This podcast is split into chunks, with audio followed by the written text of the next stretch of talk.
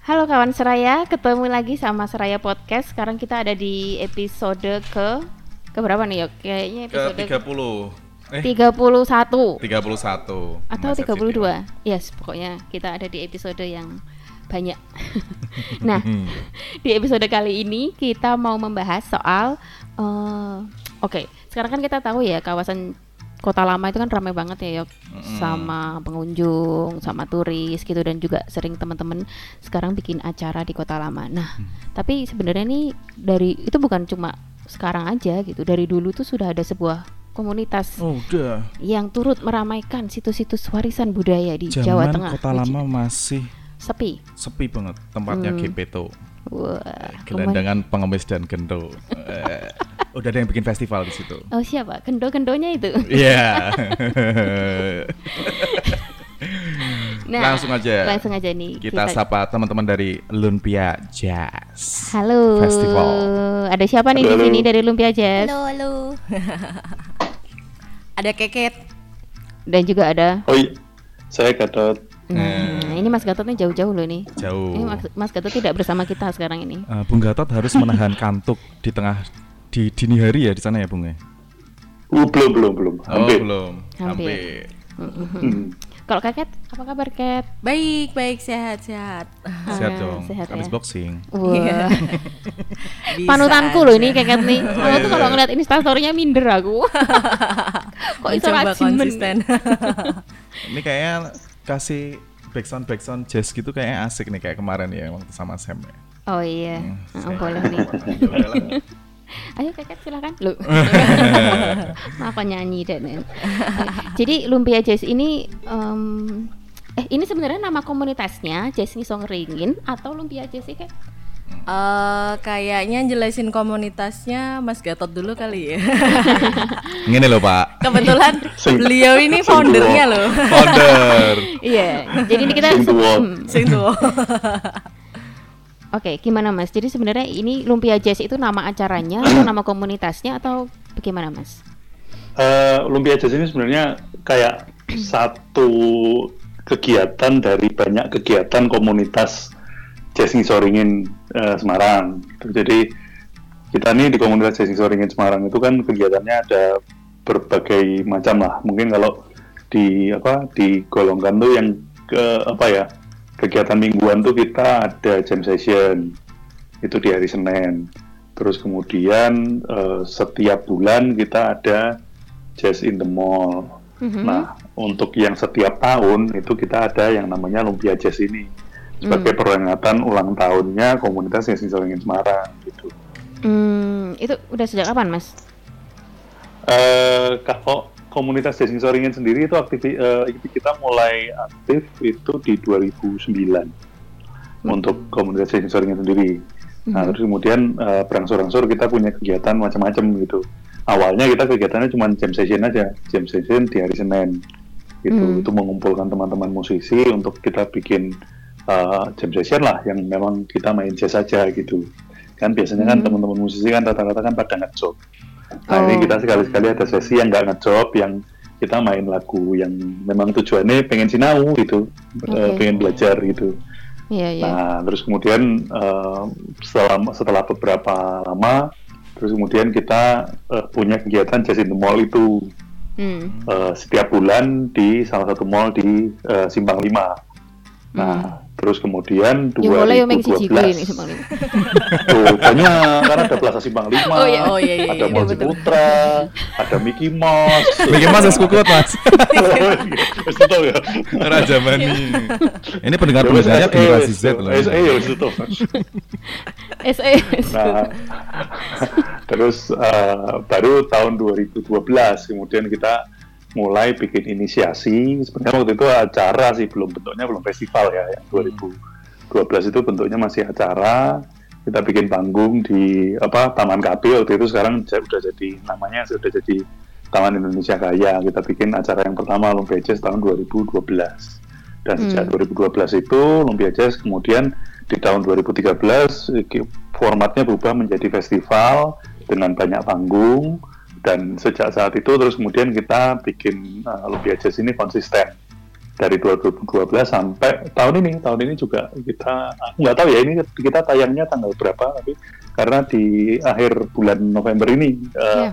Lumpia Jazz yang tahun 2020 tepatnya Hmm. tanggal 22 Oh, Oke. tanggal 22 November, November besok. iya hari Minggu ya Ya hari- waktu ini direkam belum akan Belum, tapi eh, nggak tahu nanti pas rilis mungkin setelah tanggal 22 Mhm. belum tahu Mhm. itu virtual ya mas ya maksudnya online gitu ya atau nah itu Catherine aja yang menjelaskan karena itu ketua panitianya Oh, panitianya udah ada di sini. Yuk langsung Tapi aja kita mungkin sebelum kita tanya. masuk ke Lumpia Oh, belum. Jazz yang 2020 nih kita Mm-mm. tanya dulu. Eh, dulu sebelum pandemi kan Lumpia Jazz itu eh, di venue-venue-nya venue-venue Oh, iya, yang iya, khusus benar, gitu ya. Maksudnya nggak sembarang Nggak venue. sembarang gitu. pemilihannya tuh Pemilihan harus tempat. oh. ada sesuatu value yang diangkat Iya. kayak gitu. Nah, itu bisa dijelasin nggak Kat? Kenapa kok pernah di mana aja nih? Mungkin Ha-ha, pernah Iya, di mana aja dulu? aja? Oke, tadi udah dijelasin Mas Gatot yang 2012 kita di Taman KB. Sebenarnya waktu Taman KB itu kayaknya famousnya juga Taman Menteri Supeno nggak sih? Dulu tuh sempet ya.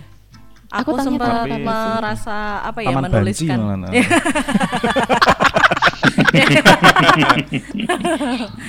iya. Jadi di Taman KB ya, familiarnya Taman KB ya. Terus sekarang jadi Taman Indonesia Kaya.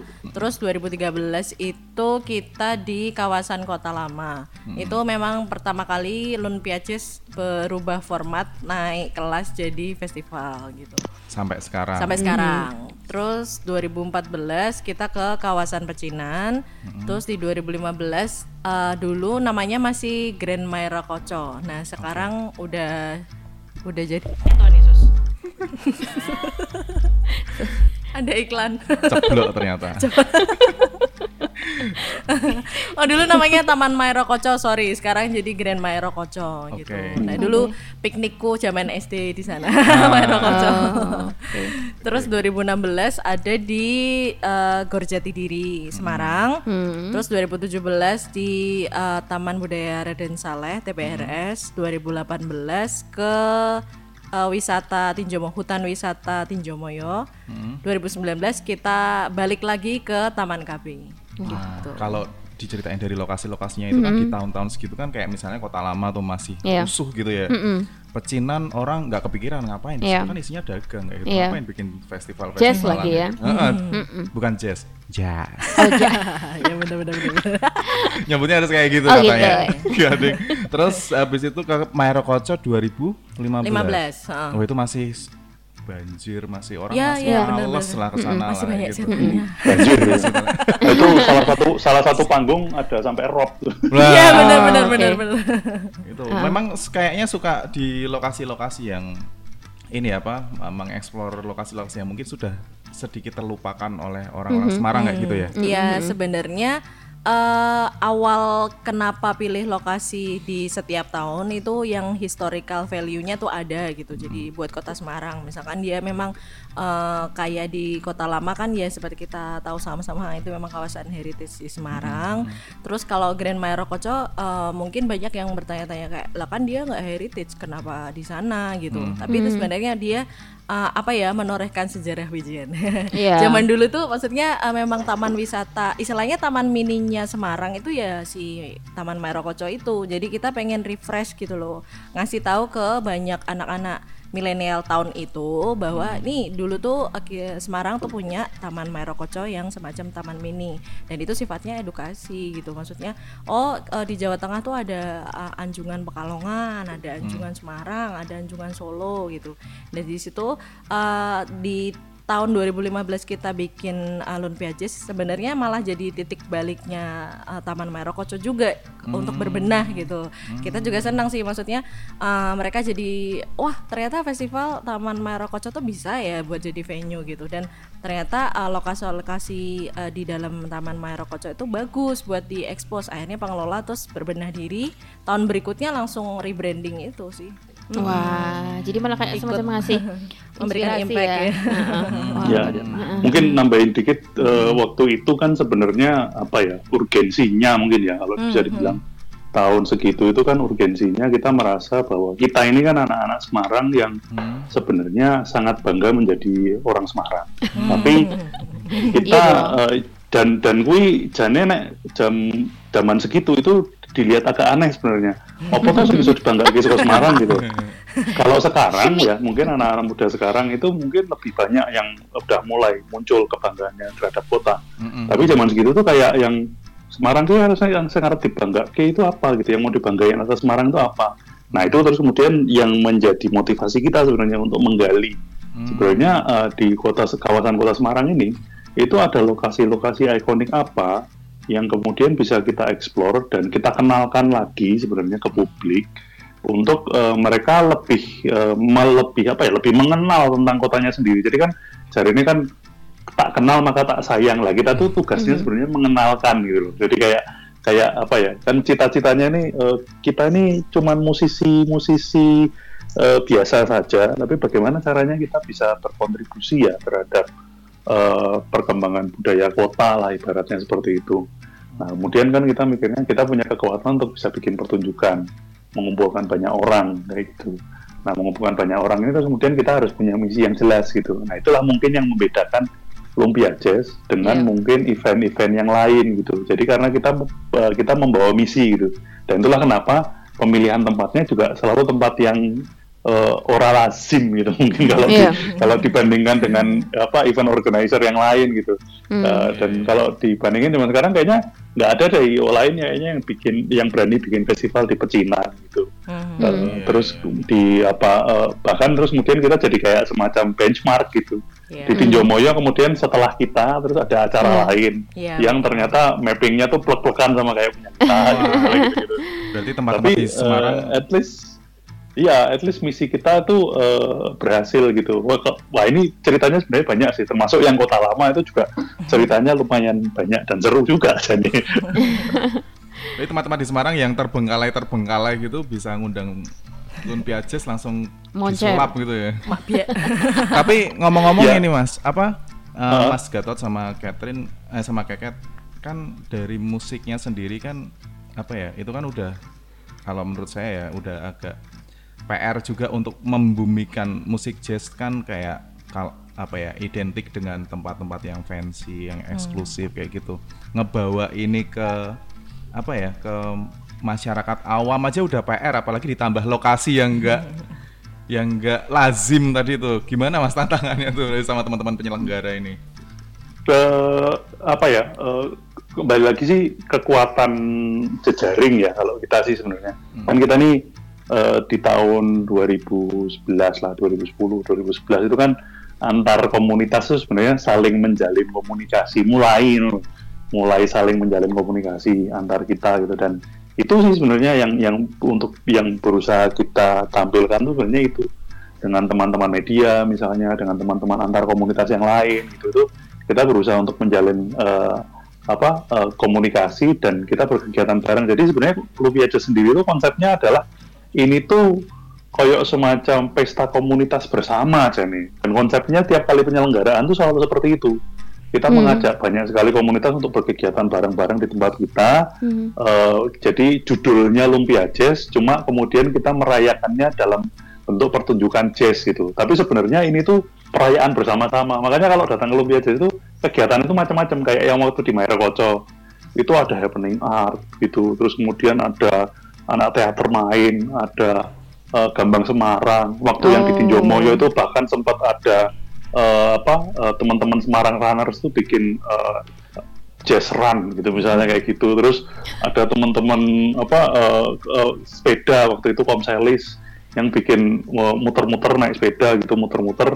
yang finishnya di lumpia jazz misalnya kayak gitu jadi kita merayakannya bareng-bareng gitu cuma Hmm. kemudian binggainya adalah binggai lumpia jazz ini sendiri gitu jadi Hmm. yang kita tonjolkan sebenarnya seperti itu dan eh, kalau tadi pertanyaannya Yogi ini tuh musiknya udah PR terus kemudian lokasinya pun juga PR gitu tapi ternyata ini tuh yang ditunggu-tunggu sama orang gitu loh.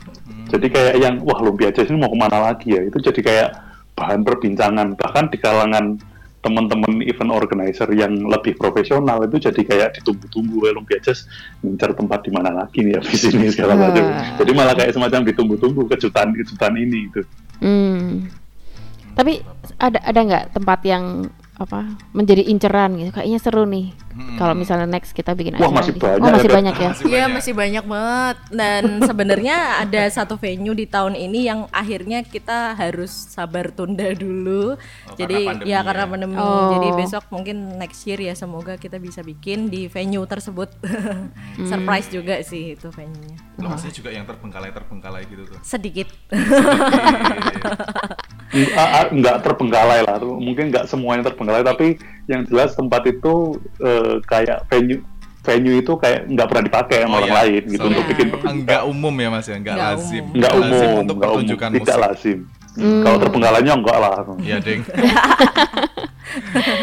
Eh, selama ini kalau respon dari pemerintah Kota Semarang sendiri gimana Mas? Bisa ada ada ini nggak maksudnya apakah ada tanggapan positif atau ya, Nah, ini- ekspresi ini- ekspresi nah, lucu? ini, ini ini ini menarik. Ini, ini, ini kaitannya dengan yang kota lama nih. Mungkin saya aku harus cerita sedikit ya. Iya, Oke. iya. Eh, yang tentang yang Oh, kota boleh, lama. boleh. Ini, ini Banyak juga kalau nggak menurutku ini eh, menarik karena waktu kita menyelenggarakan eh, Olympia Jazz di Kota Lama tahun 2013 itu kayak eh, orang Semarang tuh nggak ada yang ke Kota Lama loh waktu itu. Tahun berapa itu? Sebelum- 2003. Oh iya, masih 2013. sepi. Hmm. Sebelum itu tuh nggak ada orang itu eh, orang Semarang ke Kota Lama itu cuman ka- hanya karena lewat habis dari tak habis atau habis atau setelah dari Tawang.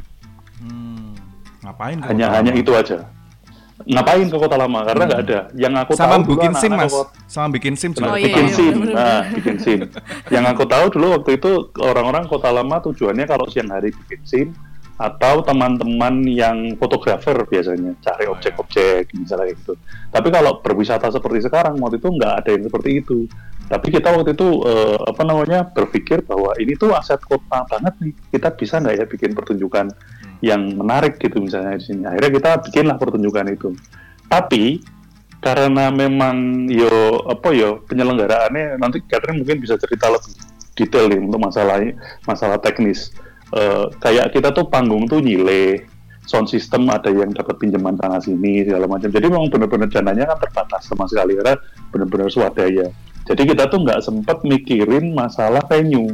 Jadi kayak venue itu dibersihin tuh nggak ada. Jadi kita sama sekali tidak ada upaya untuk membersihkan venue apa apa apa jenenge gelandangan disingkir-singkir ke ya nggak ada yang posisinya kita lagi loading panggung ada gelandangan buang air di selokan sebelah gitu ya kita nggak bisa berbuat apa-apa Tapi bener-bener itu terjadi. itu, Masa gitu. sih? Iya oke, Iya, oke. iya, yang waktu itu seperti itu lah. Tapi yang menarik tuh seperti ini. Ketika waktu itu ya, waktu itu alhamdulillah kita penontonnya bisa kita bisa datangin penonton sekitar tiga ribuan ya Kat, ya kalau nggak Iya, salah iya, waktu itu 3 udah lama ya, gitu ya. Wow. Udah bisa tiga ribuan di tiga panggung di tempat yang berbeda-beda di beberapa poin apa beberapa poin ya di kota lama. Eh, yang menarik adalah itu kan lagi rame-ramenya Twitter ya zaman itu tahun 2013 Hmm. gitu. Kita mendatangkan orang segitu banyak, kita mendisplay katakanlah memberitahu ini loh ada kota lama seperti ini. Orang-orang yang kayaknya pada waktu itu 3000 orang itu kayaknya 90% belum pernah dengan sengaja datang ke kota lama untuk menikmati pertunjukan itu belum pernah ya. Nah, jadi, nah, tapi yang menarik gini, yang menarik itu yang terjadi adalah orang-orang itu kemudian jalan-jalan, muter-muter walaupun seputar panggung aja ya, dan mereka menikmati pemandangan di situ dan mereka foto, foto diupload di Twitter dan mereka komplain. Lucunya, komplainnya nggak kepada kami sebagai penyelenggara, Hmm. mereka komplainnya ke pemerintah mereka mereka mention wali kota, mereka mention gubernur, mereka mention pemkot, mereka mention pemprov segala macam.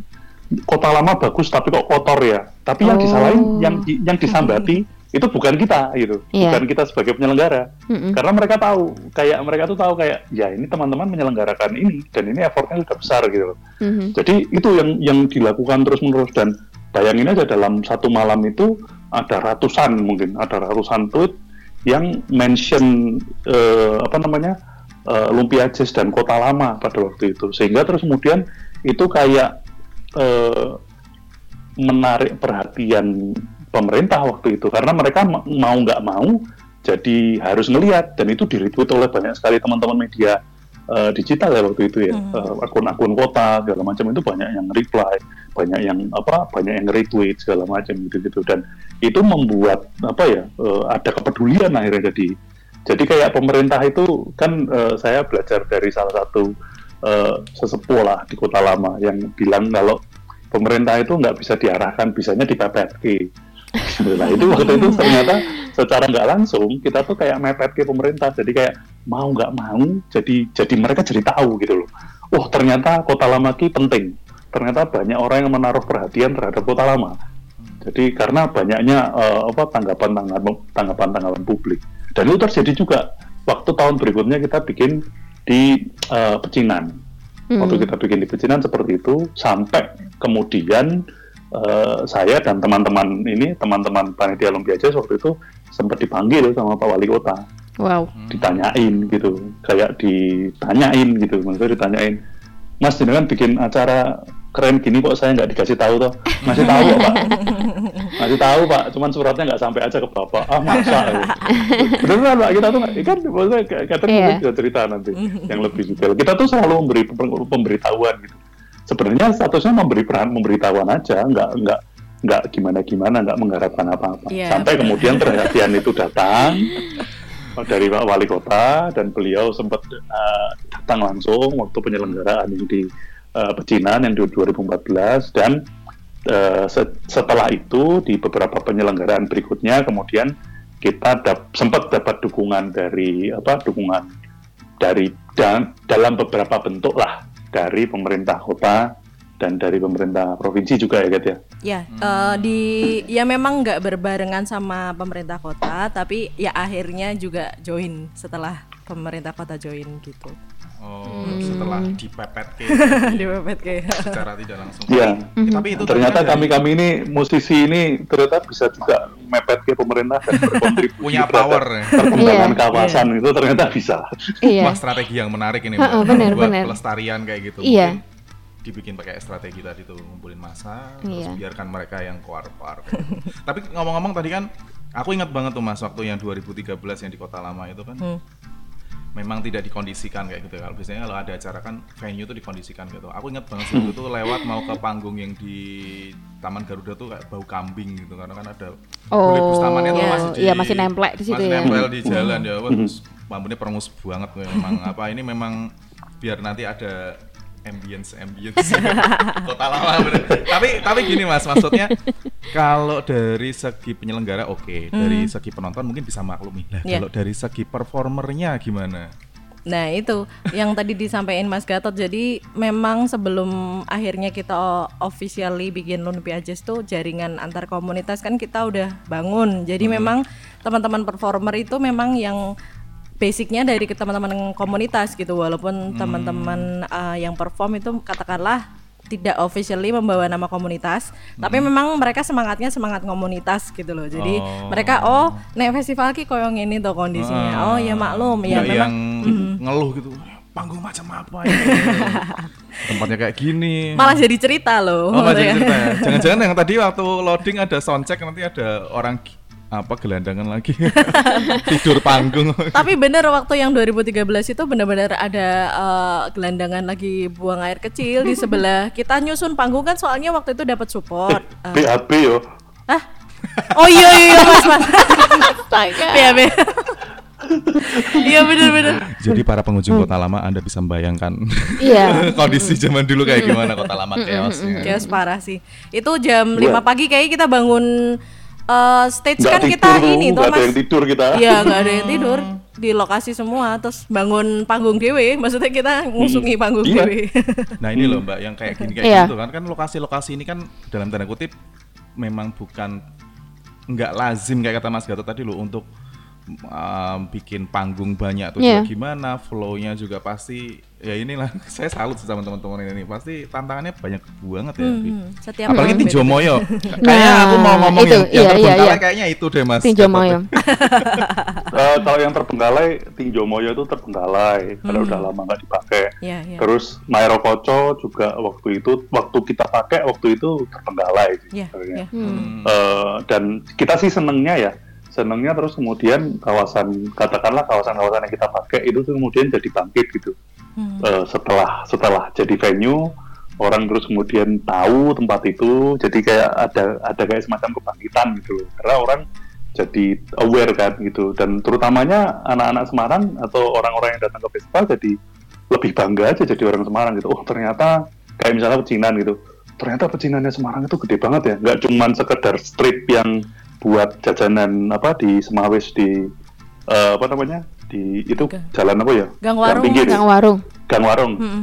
cuman di situ tok gitu ternyata oh, ada kelenteng yang keren gitu di dalam di apa di apa eh apa kuwi jenenge eh eh, tai bukan tai kak siding apa sing yang agak masuk itu loh ke dalam Sehokyong. Lihat Sehokyong. Sehokyong, ya.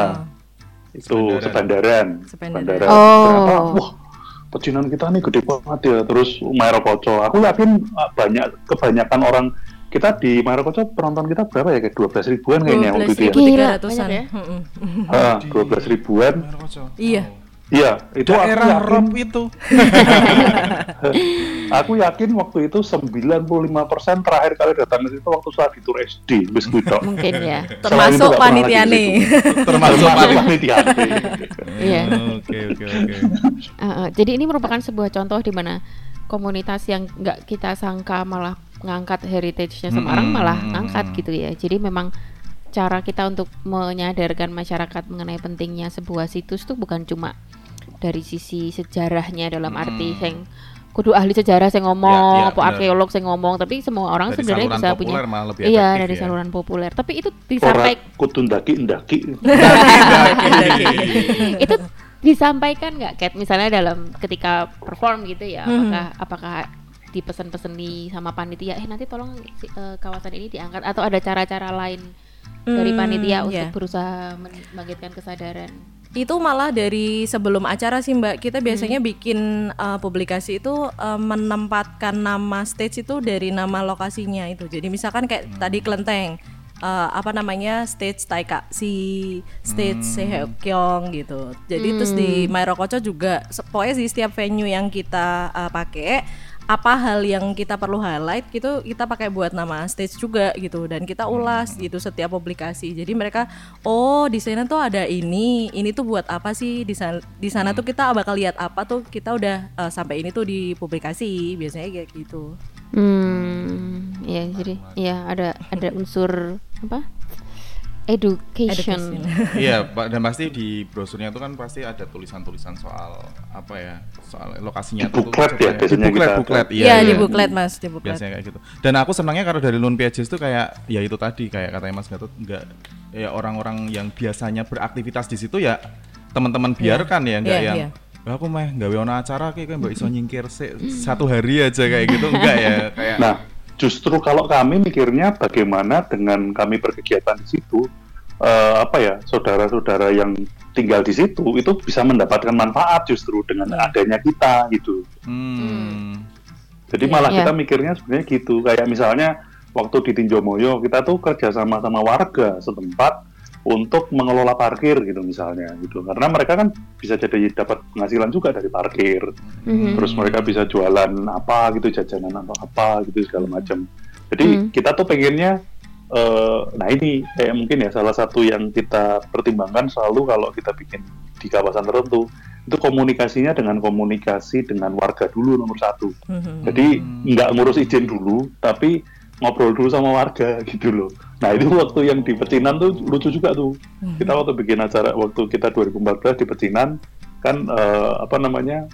eh, salah satu tim kita lah Mas Dani Mas Ad, Dani Kunye itu eh, iya toh Iya, benar-benar. apa ya kan waktu itu kan area manager jadi pegang beberapa area gitu yang didatangin kan nomor satu kan Pak RT-nya dulu gitu Mhm. ngobrol sama RT-nya, Pak kita nanti mau bikin acara seperti ini, gini gini gini gini. Itu malah justru diapresiasi sama eh, apa ya, sama sesepuh warga situ gitu loh. Wah terima kasih ya Mas, jenengan apa namanya menghargai kami yang jadi warga di sini, diceritain konsepnya gitu. Lah yang bener tuh kalau menurut kami warga itu ya kayak gini nih cerita dulu ke kami nanti gimana segala macam alurnya nanti oke saya nanti bisa pulang apa enggak bisa masuk atau enggak toko saya tetap bisa buka atau enggak gitu bener. karena Ah, ternyata ya beliau itu bercerita ini loh mas acara yang besar besar di di pecinan ini itu kami warga itu malah nggak ada yang pernah dikasih tahu Hmm. padahal selalu mengatasnamakan acara pecinan Hmm, tapi iya. kami warga pecinan itu banyak yang nggak dikasih tahu gitu Hmm. Nah ini jenengan-jenengan yang bukan orang sini malah ngasih tahu kami terus kemudian positioningnya jadi lebih jelas gitu. Nah gitu, jadi ini, ini ya banyak cerita sih akhirnya Iya. ketika berinteraksi dan persiapan acara ini. Iya. Hmm. Nambahin waktu itu tuh 2014 kan betul-betul Mm-mm. bukan kawasan terpadu ya Mas ya. Maksudnya Betul, eh, betul. setiap rumah itu pemiliknya kan beda. Itu benar-benar kita satu rumah kita ketuk satu-satu loh. Jadi kita izin Nah, ini. benar-benar. Wah, ini loh yang tidak terjadi di titik. So- soalnya kan ada yang pemiliknya juga nggak di Semarang, Mbak. Nah, Oh, jadi kita tunggu. Kadang, oh satu hari ini pemiliknya lagi nggak ada di toko, karena kan kebanyakan toko. Iya. Terus akhirnya kita ketemunya di hari berikutnya gitu. Tapi memang benar-benar kita nembungi lah satu-satu si Iya. toko-toko itu. Mm-mm. Hmm. Karena kadang-kadang memang ya itu seperti yang sudah kita tahu ya. Seperti yang tadi Mas Gatot sebutkan soal warga pecinan yang tidak dilibatkan Nah, sebagai penulis buku festival. pecinan Semarang. Terus kalau di apa di Kota Lama itu kan Hmm. juga akhir-akhir ini kita banyak mendengar juga ya bahwa inisiatif-inisiatif kayak Car Free Night. Night, Car Free Day itu justru menghambat akses. Jadi ada toko yang tadinya rame, ada restoran yang udah di booking, akhirnya bookingannya batal, mergo ora iso mlebu ngono kuwi. Iya Iya. sih, pola-pola komunikasi yang kayak gini sih kayaknya sih, yang memang penting dan apa ya, akhirnya kan nggak ngapok-ngapoki kayak gitu kalau misalnya ada digelar sebuah acara di kawasan, eh, ya ini kan kawasan yang penting juga bagian dari sejarah Semarang juga kayak gitu kan. Iya. Iya. Kami soalnya bottom up, kok, nggak ba- bukan bukan up ke bottom, Oh. Bukan top down, down. kita bukan, bukan top down, Iya. tapi kita bottom up. Tapi memang Turba ya Bung Turba ya, turun ke bawah. Tapi memang ini loh, apa eh, Mbak Mi sama Yogi, kita tuh jadi apa ya? Ditunggu juga sama venue-venue sebelum uh, Lone Piages. Katakanlah kita eh, habis dari 2018 ke 2019, venue dari 2012 sampai 2018 tuh nungguin juga. Eh kapan dong balik lagi ke sini Oh. gitu. Memang kita Iya, iya, ditungguin iya. juga sama mereka-mereka pengelolanya di kawasan masing-masing itu. Gitu. Ya senang jadi maksudnya oh kita tuh eh, ada impact buat venue yang kita pernah bikin gitu dan jadi senang gitu. Ya banyak yang akhirnya rebrand juga semacam eh, Taman Maero Koco itu juga sih kita senang banget. Jadi taman yang instagramable. Keren, keren gitu. Eh, Keren Mbak. banget. Eh, bentar Mbak Ami. Iya kadang-kadang tapi ya rotok Gimana? jengkel sih. Kita jengkel, jengkel kenapa? Jengkel juga nge dhisik wae zamane kita ke situ, saya bobrok saiki kok di api. Iya iya benar. Iya, iya. Tapi ngomong-ngomong ini Mbak, eh, dari tadi belum dibahas nih. Mungkin ada teman-teman apa eh, kawan seraya yang belum pernah datang ke Lone Piages ini, ini tuh acaranya tuh gratis loh dari dari apa? Dari awal ya sampai iya, iya. sekarang. Hmm. Sonder petalen ya, kalau istilahnya noni-noni. Iya, Orang bayar. Rambayar. Tapi nek mangan ya bayar. Tapi beneran kan ya dari awal Tapi penyelenggaraan justru itu. Benar, karena benar. kita nggak berbayar, makanya Hmm. penonton itu kalau datang ke venue-nya nggak kopen atau nggak seadanya, kini ya sama Maklum. Lumrah. Lah, bayar. Iya benar benar. Tapi kan ke Semarang bos, nyapu sambat kan biasa. lah. Tapi akhirnya juga Nah, itu- kita belum pernah itu disambati langsung kultur. juga sih sama penonton Iya. ya Mas ya. Maksudnya uh, sambat Iya. uh, ke fasilitas ya. Ya itu tadi baliknya malah ke pemerintah, ke pengelola Oke. gitu. Mhm. Bukan ke penyelenggara. Tapi Iya, sebenarnya malah jadi tepat penyelenggara. sasaran ya. Iya, Karena sebenarnya kan yang disasar kan sebenarnya ya memang yang harus menata kan pemerintah. Iya, bener lah. Iya. Penyelenggara Nah itu membuktikan sebenarnya pu- publik itu sebenarnya nggak nggak nggak bodoh-bodoh amat. Mereka tuh tahu ke mana harus mengalamatkan eh, protesnya mereka atau mereka Hmm. ke mana harus. eh, jadi mengalamatkannya itu sebenarnya mereka tahu gitu. Postingnya harusnya ke mana gitu. Hmm, nggak yang terus nyalah kayak belum pernah berarti ya menyalahkan penyelenggara kok gone kok ngene to Mas Kemprok banget sih. kemprok banget Turunnya tapi beneran loh yang waktu di Tin- Tinjomoyo tuh emang hawanya tuh Kayaknya setiap Hutan. venue deh, Bung. oh gitu ya nggak aku ngerasain yang Ada kayak- ceritanya masing-masing setiap ya karena itu uh, bukan venue populer jadinya kan jarang orang ke sana. Nah, itu Hmm. ada aktivitas lain yang kita tidak bisa lihat. yang bukan manusia. Iya benar. soalnya waktu itu Keluar aku tak kasat mata.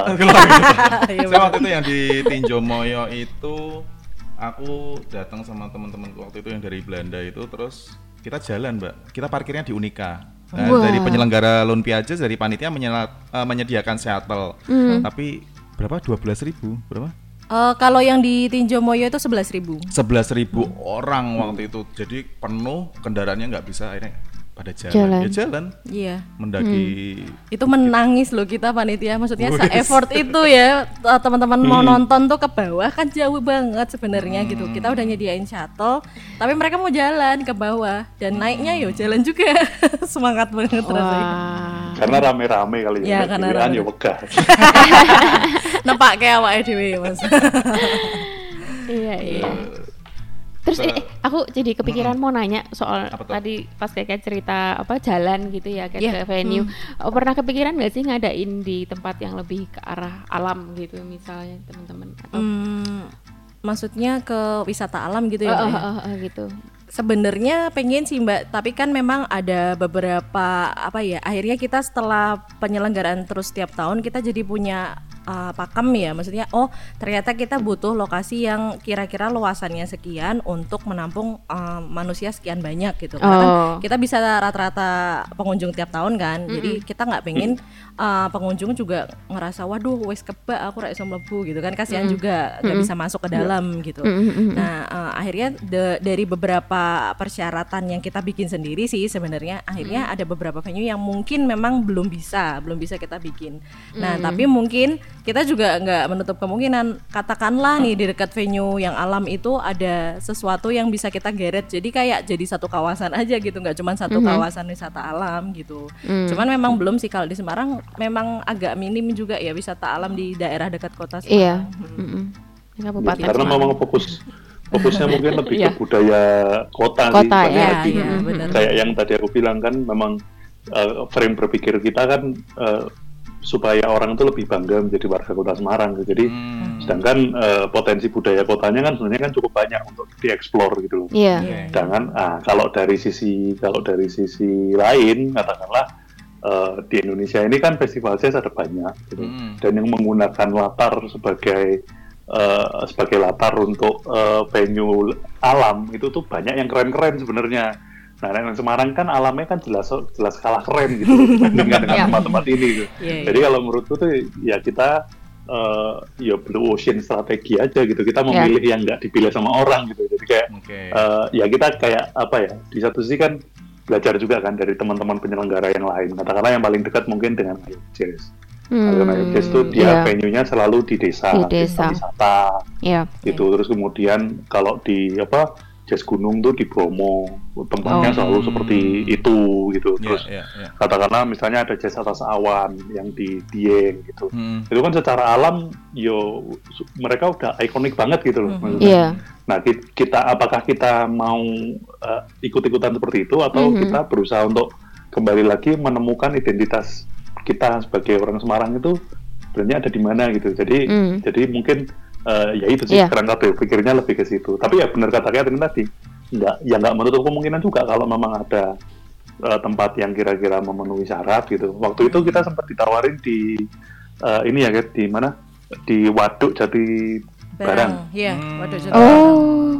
Nah, Iya. cuman waktu itu kita menghitung di sana itu dari akses, jarak katakanlah, Hmm. terus kemudian kapasitas parkir, kapasitas Hmm. venue, ya nggak cocok gitu. Hmm. Kita nggak bisa pasang terlalu banyak panggung, Iya. kapasitas parkirnya juga kayaknya nggak cukup untuk target. Jadi kita kita harus selalu nargetin karena rata-rata penonton pembiajas kan sekitar sekarang antara 11 sampai 12 ribu. Oke. Kalau 11 sampai 12 ribu berarti akses kendaraan umum mungkin, terus kemudian kalau ke Jati Barang kan nggak ada akses kendaraan umum gitu. Iya, iya. Iya. Terus kemudian parkirnya gitu, terus ya Iya. itulah banyak banyak beberapa pertimbangan. Lagian ganggu nanti mas ganggu ketek-ketek yang lagi istirahat di sana kan kasihan Ya, supaya leren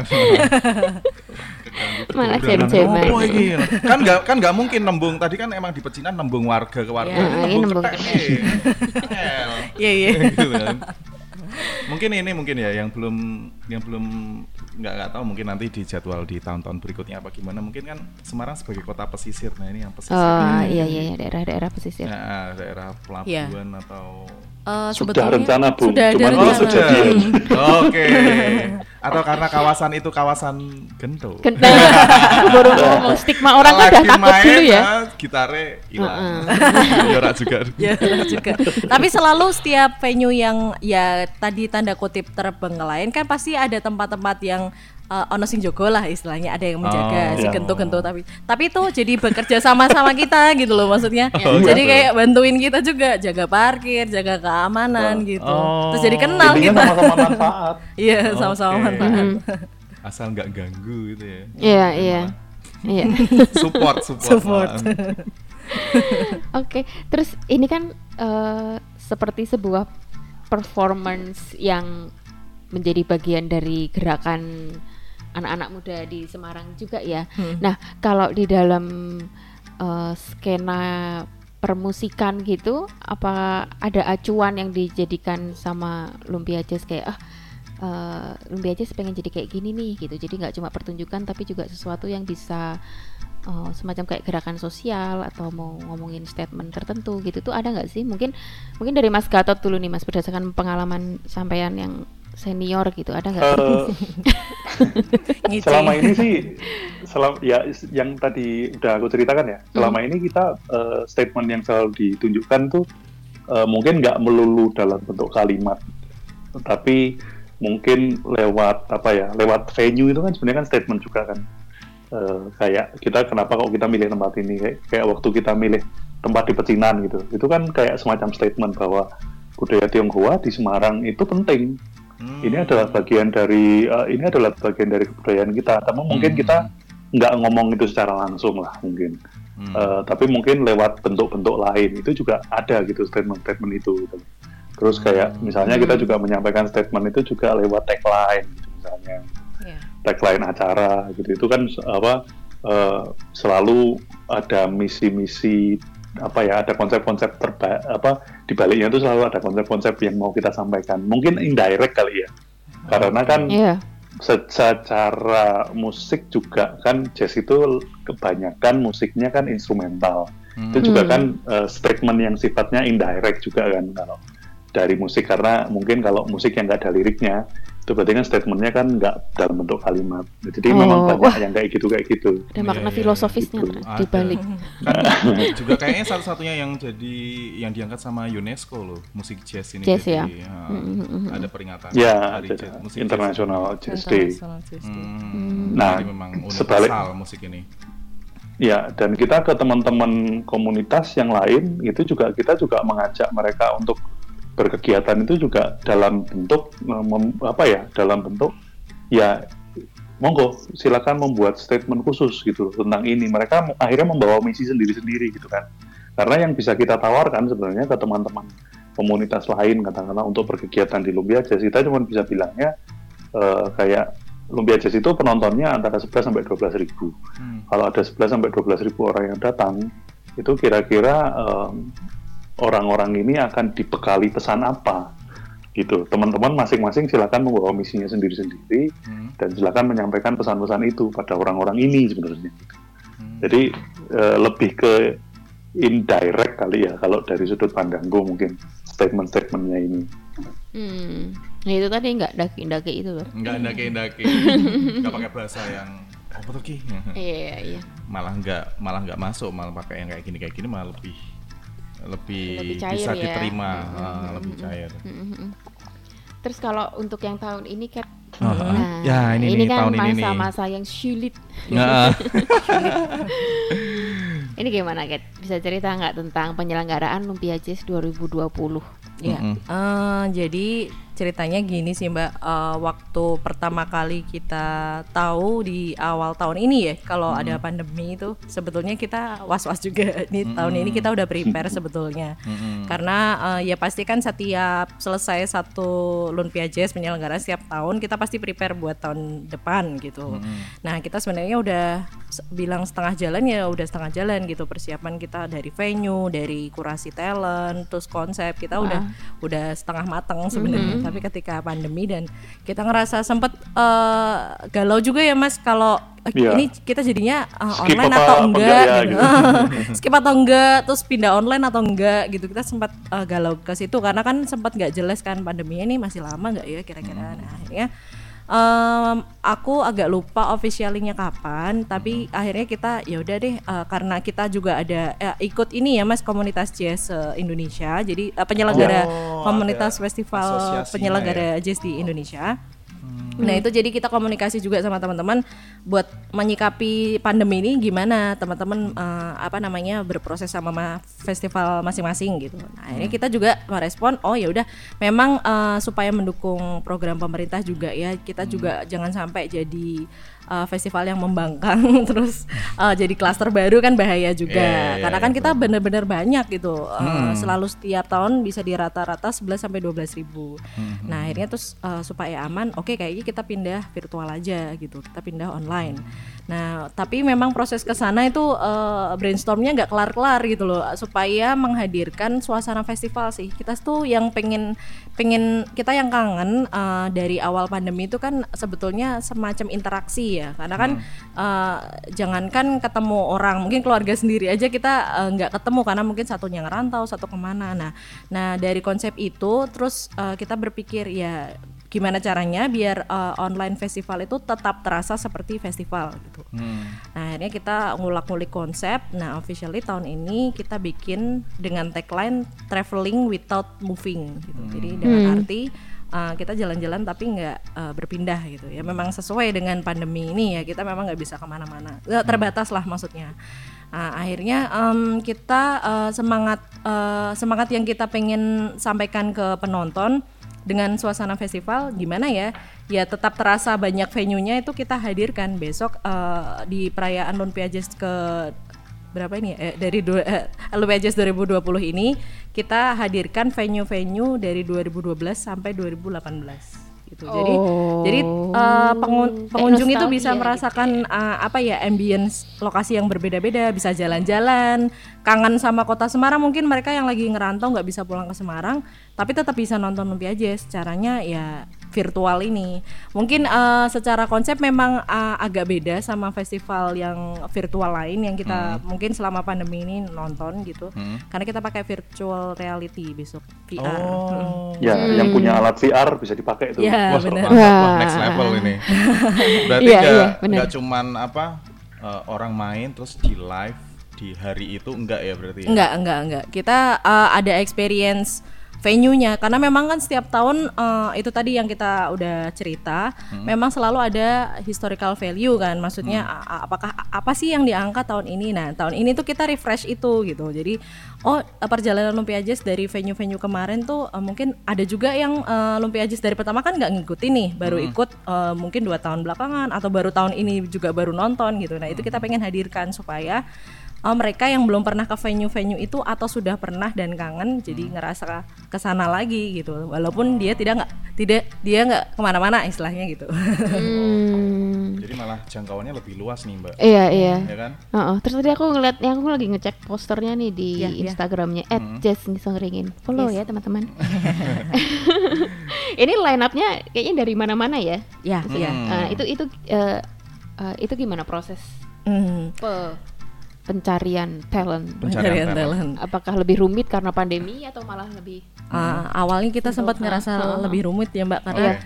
karena keterbatasan kita kan kadang ada yang di rumah mungkin nggak ada uh, temen Oh, buat perform iya terus satu band band lainnya kan nggak kumpul dalam satu Iya, rumah benar, gitu kan susah juga aduh gimana ya Bener juga? Nah ini malah eh, setelah kita ulik ternyata itu jadi eh, hal yang nggak terbatas. Kita bisa ngajakin talent yang bahkan dari luar negeri gitu. Iya. Akhirnya officially tahun ini bisa ada embel-embel internasional ya mas ya sebenarnya. Iya, iya, iya.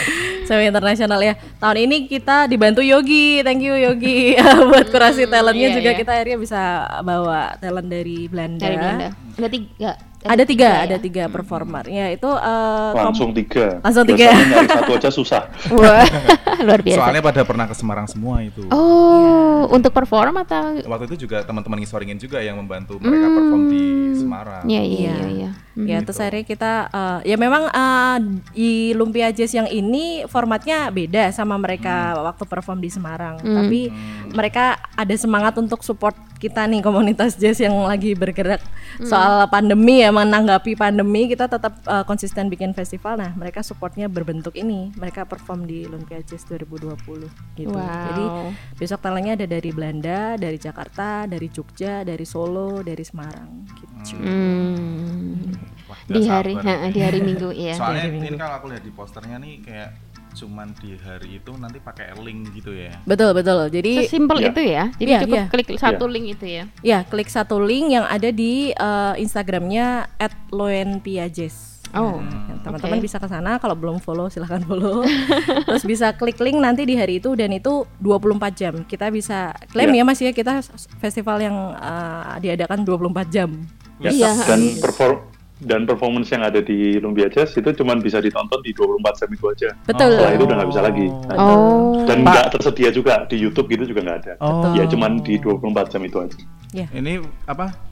Festival 24 jam Ya. pertama. Ya, Pak Jaya, ya Pak Jaya Suprana jika mendengar saya podcast mungkin bisa ya Pak Jaya. Pak Jaya orang Semarang loh, support lah Pak. Rekor ya. Ya, Kita tuh rekor. sebenarnya pengen kapan-kapan Pak Jaya itu perform gitu di Lumbia Oh. Oh, iya. Oh iya, beliau juga Kuartet juga ya. itu. iya. Hmm. Sebetulnya ini ya Mas ya kita eh, ya satu dua tahun yang lalu kita sempat eh, nembung minta minta untuk beliau perform di Olympia Jazz. Cuman waktu itu beliau lagi sakit jarinya karena kan main piano. Ya sudah terus akhirnya kita tunggu next year. Niatnya itu sebetulnya inisiatornya dari almarhum Om Jaduk yang ngajak Oh, featuring gitu loh yap. niatnya. Tapi ya memang akhirnya dipundut dulu, akhirnya nggak bisa belum bisa terlaksana ya. Mhm. Ya nanti mungkin di tahun berikutnya lah ya, ya. terrealisasi. Oke. Mm-mm. Kita kayaknya udah sampai di penghujung Mm-mm. Wah nggak kerasa ya. iya. Tapi ini kalau misalnya nanti rilisnya berarti Kita rilis cepatnya. Secepatnya. Jadi nanti kawan seraya biar tahu bahwa ini ada festival 24 jam yang akan digelar dan apa ya? Harus besok ini berarti? Iya. Experience yang beda, experience yang beda emang Iya. kan. Mm, mm, mm, mm, mm, mm. Terus apa ada apa ya harapan buat ke depannya mungkin? Tadi mungkin sebenarnya udah ngomong ya harapan pengen pengen apa ngadain di di di venue-venue lain gitu. Tapi eh, mungkin ada yang lain di luar itu kayak bikin pengen bikin yang skalanya lebih besar. Gede atau apa? Ada ada capaian yang Ada mungkin ya, tertunda kayak gitu. Iya, kalau dari aku pribadi sebetulnya yang jadi apresiasi kita sendiri sebagai komunitas adalah kita konsisten. Jadi kita tiap Oke. tahun Iya, kita betul. merasa mengapresiasi diri sendiri ya maksudnya sebagai komunitas. Benar. Wah, kita bisa ya tetap konsisten mengadakan festival dengan segala kesulitannya dengan venue yang eh, nggak lazim, dengan segala macamnya lah karena setiap tahun kita selalu disupport sama eh, panitia volunteer gitu. Jadi kita selalu open recruitment. Nah, teman-teman volunteer tuh udah nungguin gitu. Eh, aku mau join tahun ini, aku mau join. Nah, itu itu yang jadi semangat kami juga buat konsisten. Jadi harapanku pribadi sih sebetulnya ke konsisten dan memang mempertahankan ini ya, maksudnya uh, message-message yang kita mau sampaikan ke pengunjung. Itu sih kalau dari aku. Hingga penyelenggaraan ke 9 di tahun ini ya. tahun ini eh iya apa ya sembilan ya 9. Lali malah ketua panitianya. Iya tuh Ki.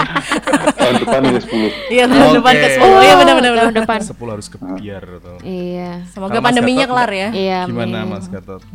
Kalau aku ya mungkin eh, apa ya orang balik lagi sih lebih mengenal eh, tokoh-tokoh seniman yang ada di kotanya masing-masing ya. Gitu. Jadi Hmm. kami kam- eh, ke- apa ya karena lumpia jazz ini kan unik ya. Kayaknya eh, ap- apa ya? Mungkin banyak ya di luar di Indonesia katakanlah yang ngeklaim kalau festival jazz itu diselenggarakan oleh komunitas gitu.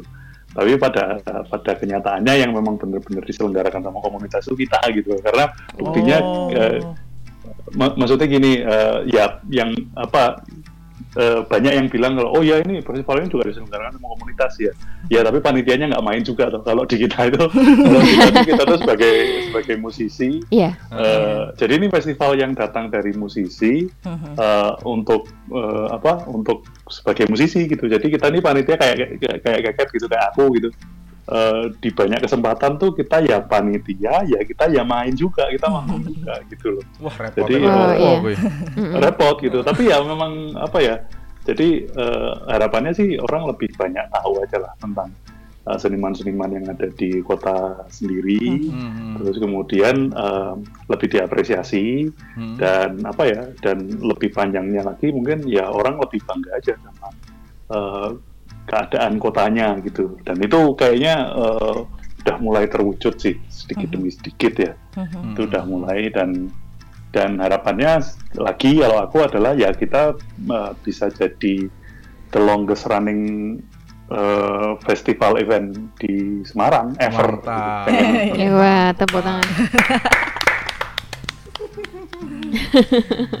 Oke mungkin berarti itu ya sangat luar biasa sekali cita-cita ya Mm-mm. Mbak. Iya, semoga Mm-mm. tercapai harapannya. Amin amin amin. Dan aku amin. yakin nih Em- Mas Gatot mesti kangen banget nih sama suasana penyelenggaraan festival di Oh, iya.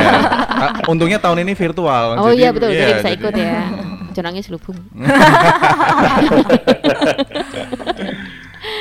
Padahal udah padahal tahun lalu udah janji. Apa? Uh, tahun lalu udah janji kalau uh, tahun ini uh, uh, posisi tahun ini tuh pas udah di Semarang lagi gitu. Belum. Oh iya. Ya makanya Karena difasilitasi bener-bener virtual. ini ya kan tahun lalu itu bener-bener kita lumpia jazz terus besoknya aku mangkat. Iya benar. Oh gitu ya. Wow. Iya. Langsung cus berangkat. Iya iya iya. Hmm. Ya, ambil. Iya. Oke, terima kasih banyak buat Mas Gatot dan juga buat Keke. Sama-sama Mas Gatot. Gatot, terima kasih Seraya udah diundang. Iya. Saya. Nanti gantian ya, nanti Seraya tak, tak undang di podcastku. Oh iya. Iya. Aku nunggu-nunggu loh ini. ya. Oke, eh, mungkin itu aja um, kawan seraya. Sampai jumpa di episode berikutnya. Berikutnya. Dan jangan lupa follow kami Iya, di at Seraya Podcast. Mm-mm. Dan juga ini nonton Lumpia Jazz. Oh iya, bener banget. Mm-mm. Oh iya, follow at Loenpia Jazz. Jazz. Dan juga at Jazz Ngisoringin juga mm. pastinya. Oke, Oke, mungkin sampai ketemu dulu. di episode berikutnya. Dadah. Bye. Dadah. Dah.